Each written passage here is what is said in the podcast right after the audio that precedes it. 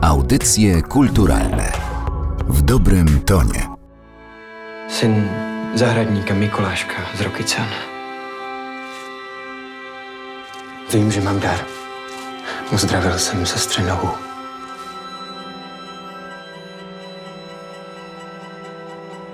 Porozmawiamy dziś o historii, która lubi zataczać koło, o życiu w zgodzie z naturą, o ciekawych bohaterach na filmowe opowieści i o byciu innym od reszty. Szarlatan to tytuł nowego filmu Agnieszki Holland, która jest dziś moim i Państwa gościem. Ja nazywam się Katarzyna Oklińska. Dzień dobry.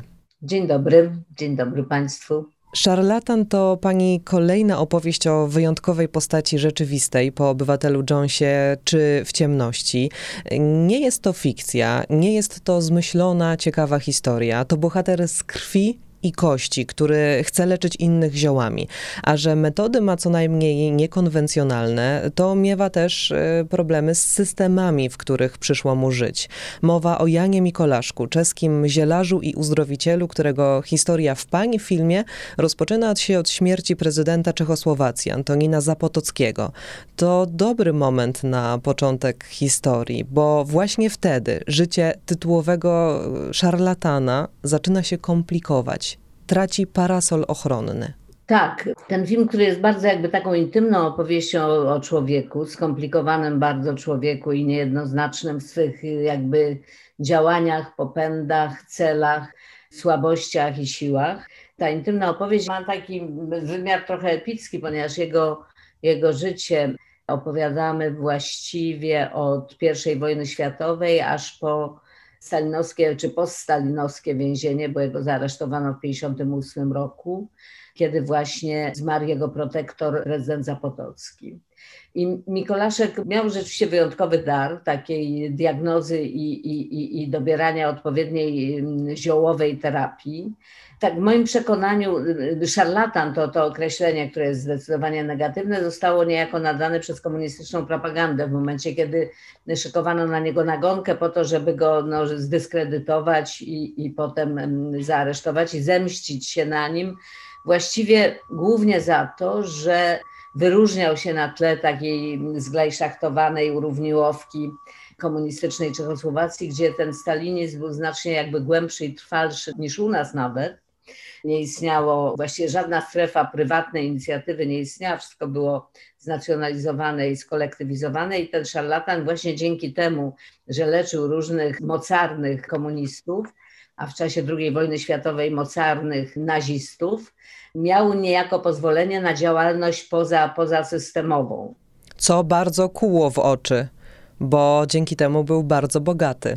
Był i bogaty, czy zamożny może powiedzmy, a bogaty na tle tamtego właśnie, tamtego znacjonalizowania wszystkiego, ale też no też w jakim sensie niezależny właśnie, co było no nie do przyjęcia dla, dla, dla komunistów na pewno a jednocześnie on, żeby zachować ten swój statut, czy żeby pomagać ludziom, jak tłumaczył, albo może, żeby właśnie zachować swój wyjątkowy statut, trudno jest dociec jego motywacji tak jednoznacznie. On był gotów wchodzić właśnie w takie związki zależności, no i leczyć różnych zbrodniarzy. Na przykład szefa kancelarii Adolfa Hitlera, Martina Bormana leczył no i Zapotockiego, który, który był jednak wysokim takim czynownikiem stalinowskiej Czechosłowacji. No właśnie, to film na wielu poziomach opowiada nie tylko o człowieku, który leczył ludzi, ale również, a może przede wszystkim o czasach, w których tych ludzi leczył. Był i nazizm, i komunizm. Oba systemy nie sprzyjały działalności Jana Mikolaszka, choć oba korzystały z jego talentu i umiejętności. Mikolaszek, tak jak pani powiedziała, leczył hitlerowców i komunistów, za co musiał płacić w kolejnych latach swojego życia. Czy ta postać dążyła do tragicznego końca? Musiał zdawać sobie sprawę z tego, że leczenie mimo wszystko doprowadzi do katastrofy, a on nie uznawał kompromisów. Nie, on uznawał kompromisy właśnie. On uznawał kompromisy i też myślał, miał w sobie taką pychę kogoś, kto ma wyjątkowy dar, Miewają ją wyjątkowi artyści, czy wyjątkowi myśliciele, czy wyjątkowi lekarze, naukowcy wyjątkowi. Mają wrażenie, że mogą wygrać z rzeczywistością, ponieważ są lepsi niż inni, są bardziej, są lepiej wyposażeni, mają właśnie coś wyjątkowego. On nie uznawał kompromisów w stosunku do własnych umiejętności, do własnej wielkości, do własnego przekonania o wyjątkowości. W tym sensie. Można tak, mhm. to można to też nazwać pychą. Można to też nazwać narcyzmem, można też to nazwać tym, że w pewnym momencie wydawało mu się, że to, co umie, oznacza tym jestem. Ponieważ mam ten dar, to jestem również sam darem, jestem sam również wyjątkowy. No i taka konfrontacja z rzeczywistością, która nagle roztrzaskała tę jego wyjątkowość poprzez po prostu no, przemoc, przemoc reżimu, on się tego nie spodziewał. Udawało mu się zawsze jakoś z tego wybrnąć, ponieważ zawsze ktoś kto mógł go ochronić, go potrzebował.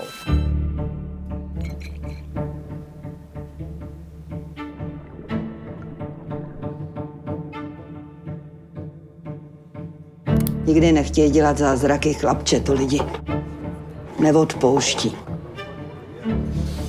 Náš pan doktor říkal, že jsem neplodná, že děti mít nemůžu. Pan doktor je bůl.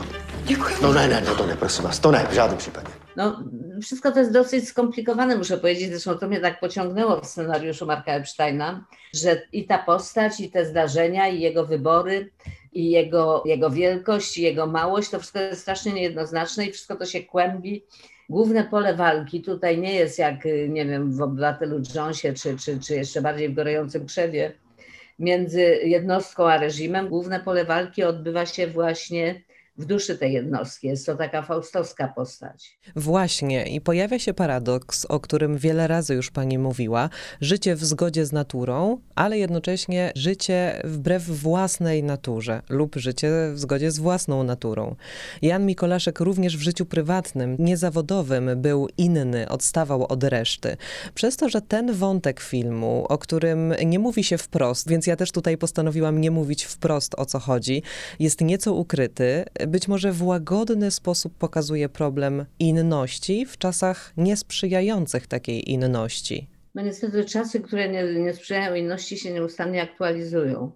Można powiedzieć, że taką jakby historią, historią ludzkości jest taka walka między akceptacją inności a opresją wobec niej, bo ta inność może się wyrażać w bardzo wielu strefach i bardzo wielu dziedzinach i bardzo wielu jakby takich aspektach tożsamości człowieka.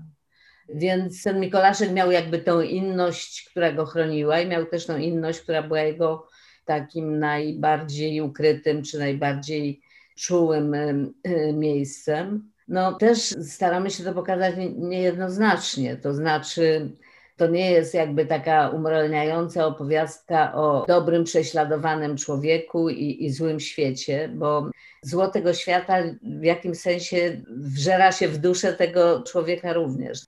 Trudno się mówi o tym filmie, szczerze mówiąc, bo jak zaczynam go komplikować, to boję się, że on przestaje być zrozumiały, że ta rozmowa, ten dyskurs przestaje być zrozumiały.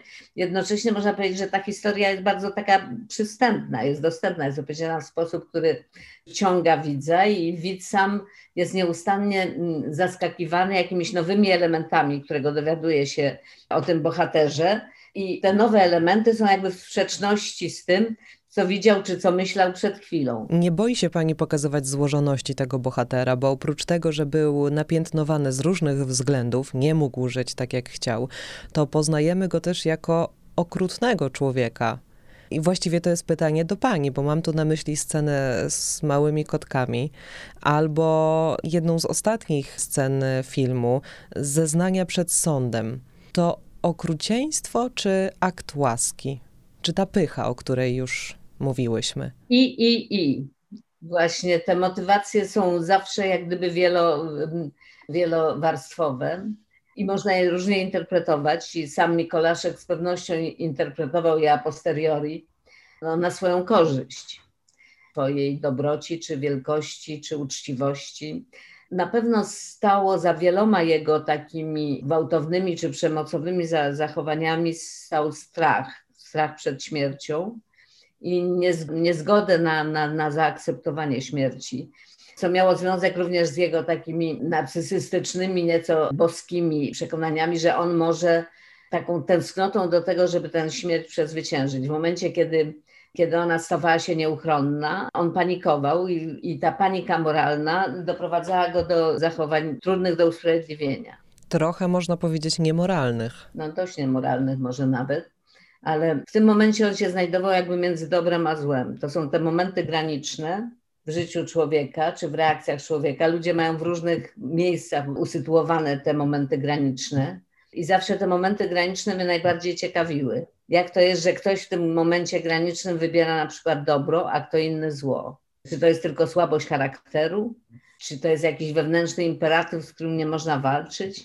Takich bohaterów w momentach granicznych pokazywałam i w Obywatelu Jonesie, i w Ciemności, i w Gorącym Krzewie, i no i w pewnym sensie nawet w Pokocie, który oczywiście jest inną opowieścią. Fikcyjną. Tak, jest fikcyjną i jest taką mieszanką thrillera i bajki. Baśnie może nawet. Baśni, tak. Co se zač? Já bych se chtěl naučit léčit jako vy. Někdy to tak mám. Podívám se na člověka a vím, kdy umře. Ten film, o którym rozmawiamy, Szarlatan, wpisuje się w trendy. Życie w zgodzie z naturą, również własną. Jan Mikolaszek pokazuje, że można. Ale czy warto? Ja myślę, że tu jest raczej taki paradoks w tej postawie Mikolaszka, że on rzeczywiście ma wyjątkowy dar, żeby komunikować z tą naturą, w sensie przyrodą, żeby z niej czerpać siłę, wiedzę o, o życiu i, i organizmie człowieka i o jego sile i słabości, ale z drugiej strony nie jest w stanie pogodzić się czy zaakceptować swojej natury w sensie tożsamości, czy części swojej tożsamości. I z jednej strony otwierając się całkowicie na naturę, z drugiej strony ukrywa tę, która jest jego osobistą cechą. Więc czy warto? Czy warto się otworzyć na naturę? Czy warto akceptować naturę? Moim zdaniem tak i to tak dość totalnie. To znaczy nie tylko tym, co w naturze jest życiodajne i, i akceptowane, ale również w jej dramatyzmie czy, czy zagrożeniach. Oglądając ten film, miałam takie nieodparte wrażenie, że powiem to trochę w cudzysłowie, nie może się pani uwolnić od tego XX wieku, od okropności XX wieku, od bohaterów, którzy w XX wieku w jakiś sposób zostali osadzeni, ich życie zdominowała historia.